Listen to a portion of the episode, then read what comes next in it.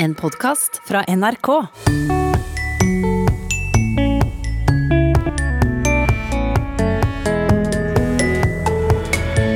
Hvorfor bruker vi uttrykket 'å komme ut av skapet', spør Marit. Hvorfor er det et skap å komme ut av? Eh, hva er egentlig betydningen bak det? Er det på tide å rive ned skapet? Tja, eller kan uttrykket òg oppfattes befriende? Jeg syns det var befriende. Det betyr ikke at det er et uttrykk som man tør beholde i all overskuelig fremtid. Og vi skal høre om et fenomen fra skolegården i Språkteigen i dag. Eh, Det var ordet kjappas. Er dette et Oslo-fenomen, spør Ea. Å komme ut av skapet har festa seg som begrep i språket vårt. Og vi forbinder det kanskje mest med at noen frivillig offentliggjør at de har en ikke-heterofil seksuell legning. I sommer fikk Språkteigen et spørsmål fra NRK-kollega Marit Eide i P3, som skrev en nettartikkel om fenomenet. Der skrev hun blant annet å komme ut av skapet er noe de fleste skeive må gjennom, men hvorfor finnes det et skap, og er det på tide å rive det ned? Det var starten på artikkelen din, men da dukka det samtidig opp spørsmål rundt sjølve begrepet, og hva var det du lurte på da? Eh, nei, det var vel sånn at når jeg snakket om den artikkelen med kollegaene mine i redaksjonen, så sa alle at det, Men hvorfor, hvorfor er det et skap og Altså, vi, vi ville bare finne ut av hvor det uttrykket kom ifra. Eh, vi lurte alle sammen veldig på det. Så vi ville bare OK, hvorfor er det et skap å komme ut av? Eh, hva er egentlig betydningen bak det? Når kom dette uttrykket til Norge? Eh, og når ble det på en måte et etablert uttrykk? For nå er jo det et kjempeetablert uttrykk i samfunnet vårt. Men hva var det i den artikkelen som gjorde at dere lurte så fælt på dette skapet? Eh, nei, hele utgangspunktet for artikkelen var jo på en måte Er det på tide å rive ned skapet? Vi ville høre med skeive som kunne snakke litt om dette. da, sånn, Hvordan var det for det å komme ut av skapet, og hvorfor, hva føler de rundt å måtte komme ut av et skap? At, de, at Bare fordi de er skeive, så må de annonsere legningen sin til verden. Da må jo ikke vi heterofile. Så det er jo Ja. Og du intervjua annet programleder Niklas Baarli og forloveden hans, Benjamin Silseth. Og hva sa dem om dette skapet? det, det var liksom det var veldig sånn konflikt, for det, på en måte så er det fint å kunne komme ut av det skapet, for at det var på en måte da annonserte du de hvem de var. Men samtidig så var jo det en veldig så stor greie å skulle komme ut av skapet, så det var jo eh, Det var jo det ble jo sånn opphausa ting som bare ble skumlere og skumlere jo mer de tenkte på at du måtte komme ut av et skap. Så eh, de hadde De har lyst til å rive ned skapet, de òg. Eh, men når det skjer, da syns jeg var litt vanskelig å svare på. Altså, jeg, jeg mener vi ser en endring, heldigvis, som gjør altså, hvor flere og flere unge nekter å definere seg. liksom. Sier sånn Jeg nekter å definere meg som homofil, bifil eller heterosek- heteroseksuell. Dere har ingenting med min eh, seksualitet å gjøre. Eh, og det mener jeg er jo med på å fjerne det skapet litt. Samtidig som jeg, altså det skapet er jo er ekstremt til stede i dag. liksom. Du, folk kommer ut av skapet over lav sko. Vokse som unge. Mm. Så det, det fins. Men jeg håper at den der unge trenden med å nekte å la seg definere fortsetter å bli større, og man kan bygge det der ekstreme behovet for å absolutt liksom sette folk i bås og dra de av skapet. Men hvis man skal tenke litt praktisk på det, så har det jo hjulpet eh, Så har jo skapet hatt en funksjon i overlevelse hos de som har måttet holde seg i skapet når det var ulovlig. Det skapet har jo en enorm funksjon sånn sett. Men det er jo som, det er jo som i naturen, da. At eh, det er veldig mye i naturen som har en eh, funksjon, eh, men som egentlig ikke har det nå lenger. Og så tar det mange hundrevis av år før man kvitter seg med det. Eller naturen kvitter seg med det av seg selv. da. Og litt sånn tror jeg det også er med det skapet. Det var et par korte utdrag av Niklas og Benjamin sine refleksjoner rundt det å komme ut av skapet. Men hva tror de er betydningen bak begrepet? Altså, Det eneste jeg kan se for meg, er jo at man eh, tar en eh, skjorte ut av skapet. Og da er den inni skapet, så er den skjult. Og når du tar den ut av skapet, så er den ikke eh, skjult. Det er veldig godt sagt, selvfølgelig. Kjempegodt sagt. Ja, Ja, Det er veldig pragmatisk av meg. Det er trangt og klaustrofobisk og jævlig, og det er sånn det føles å være skjult. da. Mm. Så da har du én pragmatisk løsning og en veldig emosjonell løsning.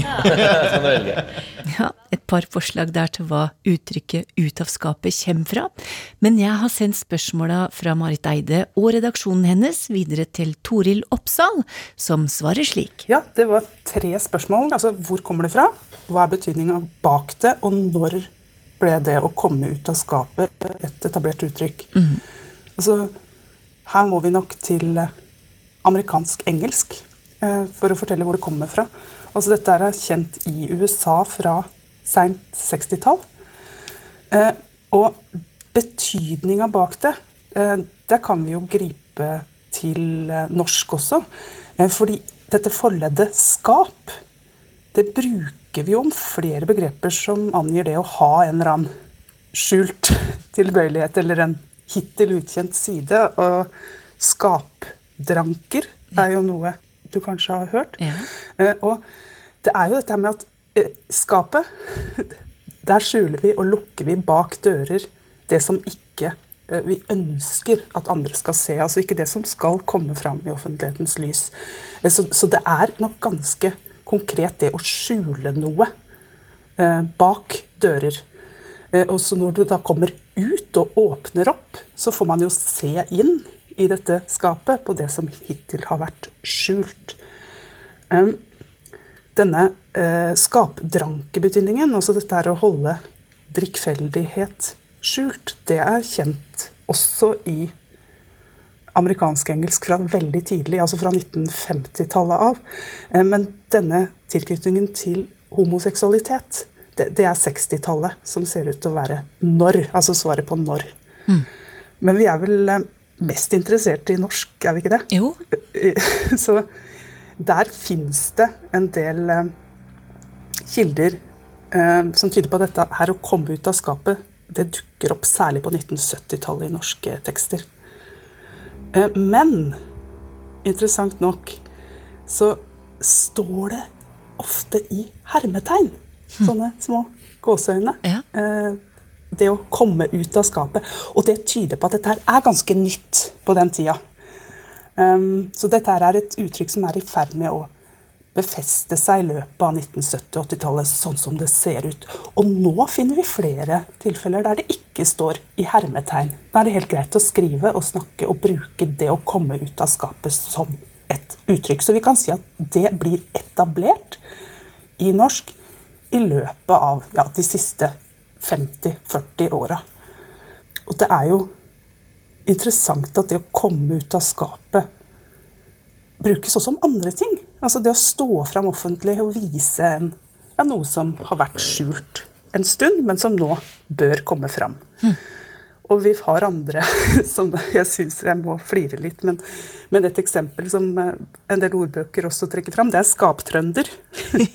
At man må, må, må stå fram som trønder. Eh, Så man har vel noen hemmelige tilbøyeligheter. Og Jeg må innrømme at jeg av og til har tatt meg sjøl i å bruke ordet skapbratsjist om meg selv. Jeg er en ivrig amatørfiolinist, men jeg, men jeg har nok et hjerte for bratsjen, som er et litt mer Ja. Det er et fantastisk instrument, men av og til litt utskjelt. Så, så da kan man nok være skapbratsjist. Men som Niklas og Benjamin sa her, da. De trodde det ble ei stund til vi ble kvitt uttrykket 'ut av skapet'. Hva tror du? Jeg, jeg tror på sett og vis at i dette tilfellet, og som kollegaen din også så fint fikk fram i denne saken sin, så, så er vel det viktigste altså, at skapet og, og det å snakke om det eh, er nå én ting, men det å slippe Altså handlingen i seg sjøl må man liksom få lov å være litt altså det, det, må lov, det må man få lov å si bestemme sjøl. Så det å gjøre dette til en stor overgangsrite, som mange beskrev det som, uh, og som en, ja, et torturkammer, altså det, det, er, det, er jeg helt enig med at vi må få vekk.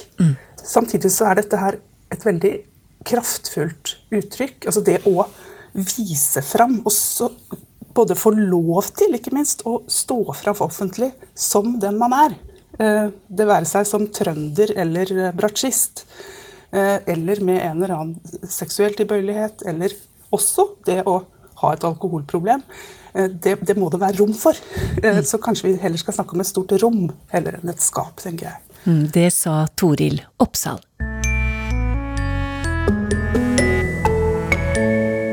Toril Oppsal sier at begrepet 'komme ut av skapet' ble brukt i Norge fra 1970-tallet.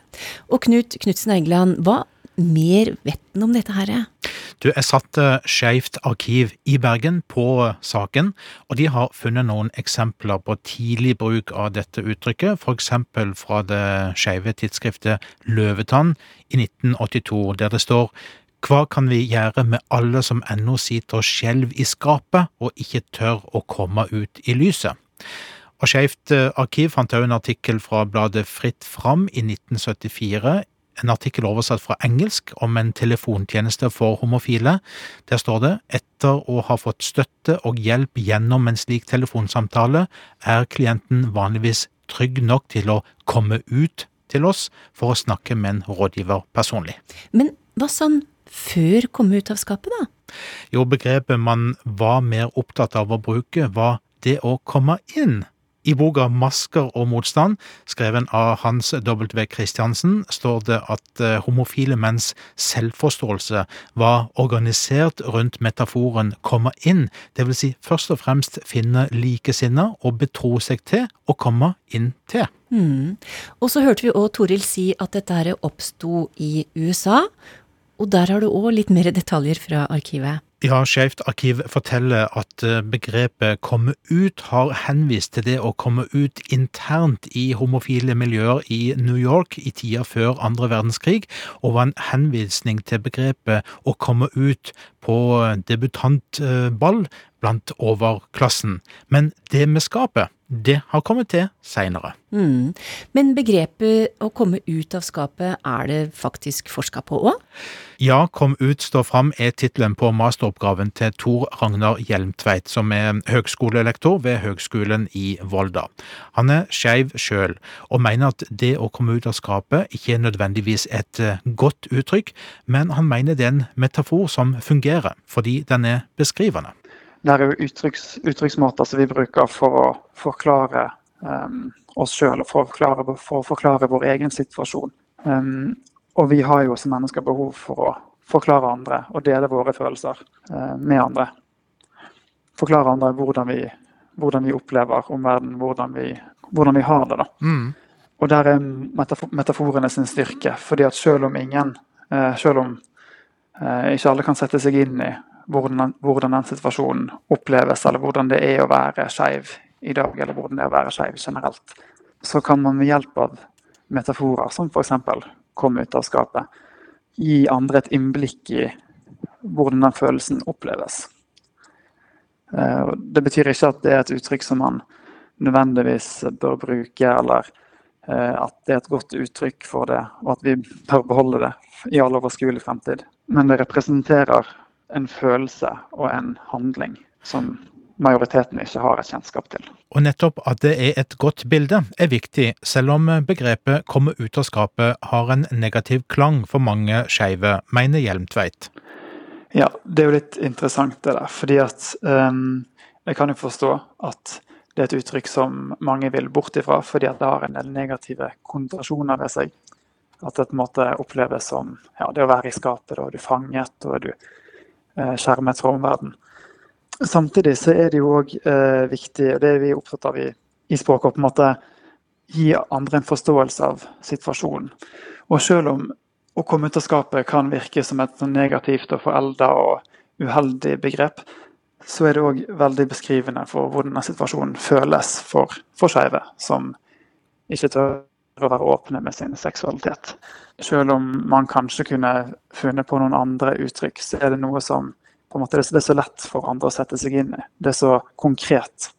Eh, det er en metafor som de aller fleste klarer å sette seg inn i og forstå omfanget av. Du har skrevet en master med tittelen 'Kom ut, stå fram', og du har uh, tatt for deg skeive historier. Uh, mm. Hva lærte du om det uttrykket gjennom det arbeidet? Ja, det er jo ganske mye, og det er veldig interessant. Um, jeg gikk inn i det prosjektet med en, slags, eh, med en tanke om at ja, det må jo finnes et bedre uttrykk, og hvorfor bruker vi sånne si, uheldige metaforer og negative metaforer som har negativ klang. Men etter hvert som jeg undersøkte materialet mitt og så hvordan det ble brukt, så, um, så oppdaget jeg det at um, det er en slags uh, ja, hva skal jeg si, en tosidig prosess. På mange måter så blir, er det brukt for å forklare en sånn um, ja, den negative følelsen av å være fanga og det å på en måte ha en uønsket seksualitet. Og, og det å, å, føle seg veldig fanga av seg sjøl. Men samtidig så det, blir det òg brukt som et uttrykk for noe befriende. Det å på en måte endelig tørre å stå i seg sjøl og være seg sjøl. Eh, så det er både noe på en måte sånn som vi på engelsk kaller 'empowering' ved det. Vi var inne på at før 1970-åra fantes ikke begrepet 'komme ut av skapet' i Norge. Det var viktigere å komme inn, altså finne andre med samme legning. Før 70-tallet eh, så var det jo forbudt å være homofil eh, eller skeiv. Og da var det på en måte ikke et mål i seg sjøl å stå fram eller fortelle om verden at du var skeiv. Hjelmtveit har altså skrevet sin masteroppgave om skeive historier, men det finnes lite annen forskning å vise til. Eh, men akkurat ord og uttrykk, det er ikke så veldig mange som har eh, undersøkt eh, ennå. Toril Oppsal foreslo å snakke om et stort rom i stedet for et skap tidligere i sendinga. Hva synes Tor Ragnar Hjelmtveit om det forslaget? Jo, det er jo et, et fint bilde òg. Og det går litt på det samme. sant, At man kommer inn i en ny virkelighet, kan man si. Det eneste jeg kanskje tenker som kan være utfordrende med det uttrykket, det er at da må man jo komme fra en plass. Og hvis man på en måte, da er man likevel på utsiden. Derfor tenker jeg at kanskje uttrykk som å være i skapet, selv om ikke det er et godt uttrykk, så er man på en måte inne i det samme rommet, men man kommer ut av på en måte det skjulestedet. Og så er man fortsatt en del av det rommet. Eh, mens hvis man skulle si, heller si at man kommer inn i et rom, eh, så går man jo fra et annet rom. Og hva er det andre rommet? Så det å finne et godt uttrykk er ikke lett, selv om det finnes et alternativ som allerede er mye i bruk. Kanskje uttrykket 'å stå fram', som jeg eh, har som tittel på oppgaven. Mm. At det å på en måte stå fram kan være bedre det er fortsatt ikke helt uproblematisk, fordi at du må fortsatt på en måte stikke deg ut. Men det er jo dessverre sånn verden er at viker du fra normen, så må du på en måte, da skiller du deg ut. Men stå fram har kanskje en mer eh, skal vi si, en stolt klang enn det å komme ut av skapet? Ja, absolutt. Det, da er det mer den aktive parten. på en måte. Du tar et, et konkret valg sjøl. Det gjør man jo òg når man går ut av skapet, på en måte. Men um, blir, du, er på en måte ikke, du er ikke skjult i utgangspunktet. Når du står fram, så er det fortsatt du er en del av dine omgivelser, du er en del av omgangskretsen din, uh, mens du i et skap er skjult. Det sa høyskolerektor Tor Ragnar Hjelmtveit, og reporter var Knut Knutsen Eigeland.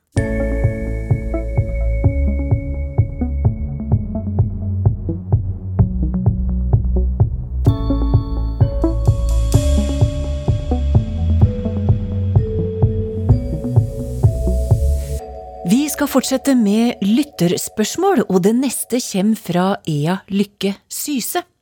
En dag på jobben så begynte hun og kolleger å prate om et fenomen fra skolegården som noen kjente til, mens for andre var det helt ukjent. Og da begynte spørsmålene rundt det ordet å melde seg. Og Ea, hva slags ord var det dere prata om? Eh, det var ordet sjappas. Jeg vet ikke om det er kjapp Chappas med KJ eller Chappas med SJ. Men det handlet om at en person kastet noe opp i luften. Mm. Eh, det var kanskje fotballkort eller Pokémon-kort eller klinkekuler eller et eller annet sånt. Mens han kastet det opp, så ropte han 'Chappas!' Og da var det sånn at den, da det landet, så var det førstemann til å ta tak i disse tingene, da, ja. som ble ny eier. Og når ja. omtrent var dette her? Når var, når var du i skolegården? dette var uh, i Oslo på to, tidlig 2000-tall. Og uh, så hørte jeg med de andre på jobben om de også husket det. Mm. Og vi er veldig mange forskjellige aldre på jobben. Og vi kommer også fra veldig forskjellige steder. Og da var det sånn at det var noen som aldri hadde hørt om det. og noen som hadde hørt om det, og som hadde lekt det samme. Og da var det sånn at de som var fra Oslo, de hadde lekt det. Og da var det både meg som er i 20-årene, men også kollegaer som var mye eldre, som Mm. hadde lekt dette. Så hva er det du lurer på, da? Om kjappas eller kjappas? Jeg lurer egentlig bare på om, om dere har noe informasjon om dette her er et lokalt eh, ord, lokalt fenomen, og om ordet på en måte stammer fra kjapp. For jeg tenkte at det var kjappas, som at den som var kjappest til å få tak i det som landet, var, var det, mens andre mener det er sjappas. Og da lurer jeg så på hvor det kommer fra. Ja, og da må vi spørre noen som kanskje vet, og det er du det, Toril Oppsal. Ja, jeg må innrømme at jeg kjenner dette godt fra min egen oppvekst i Oslo. altså, ikke minst når noen hadde et eller annet til overs, noe å dele.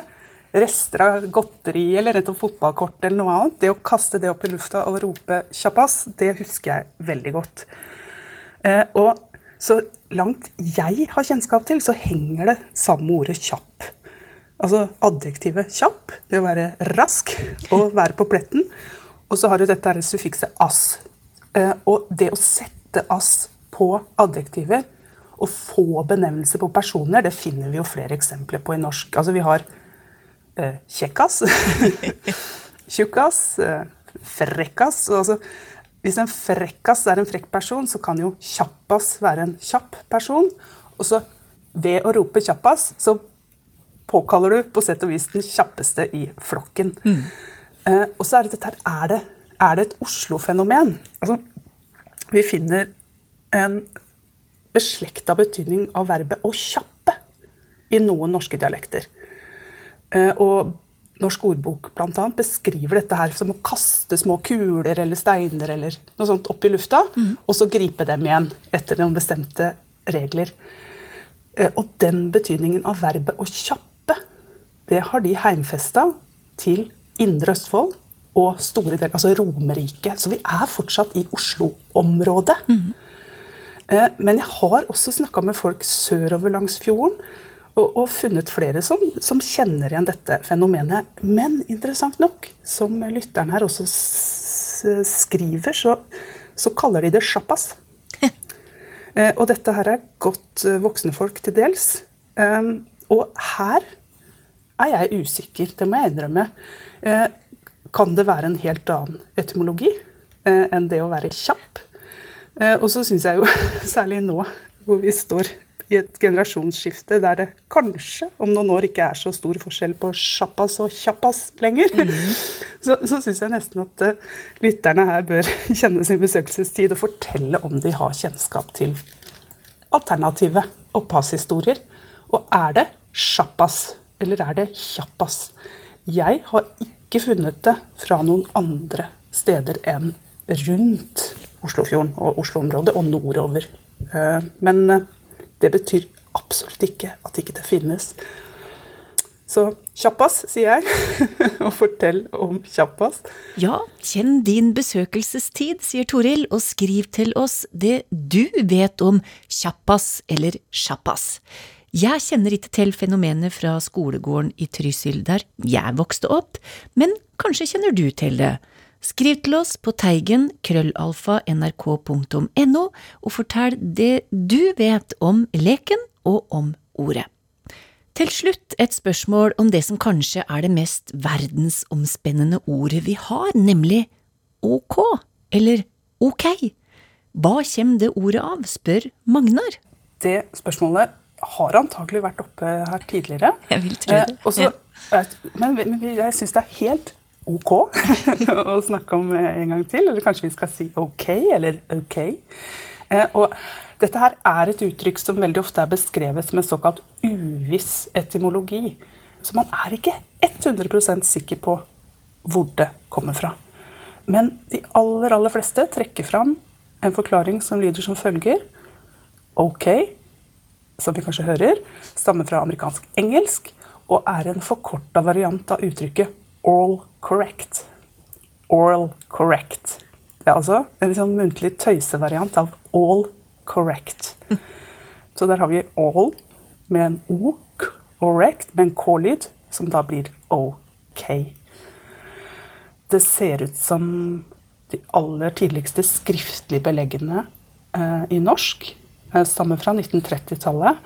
Eh, men nærmere vår tid så eksploderer bruken av dette uttrykket. Og nå er det svært, svært utbredt. Både som svarord, eh, når man samtykker til noe, eller som et adjektiv som betegner at noe er greit eller godt nok. Um, men jeg lurer på om det kanskje har fått en litt ny betydning også. Ja. Altså, hvis du nå hører en sånn forlenga vokal OK! Eh, der uttrykker jeg en eller annen form for overraskelse, eller kanskje også litt motstand mot noe du sier. Der er det ikke greit lenger. Der er det litt det motsatte, ja. er det ikke det? Mm. Så, så, så, dette her er et uh, uttrykk vi kan ta opp igjen og snakke om og følge med på.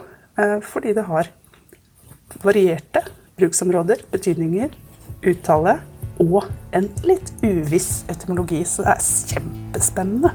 Hm. Takk til deg, Toril Oppsal. Lurer du på noe om språket, så skriv gjerne til oss. Teigen krøllalfa nrk.no. Vi høres! Ha det!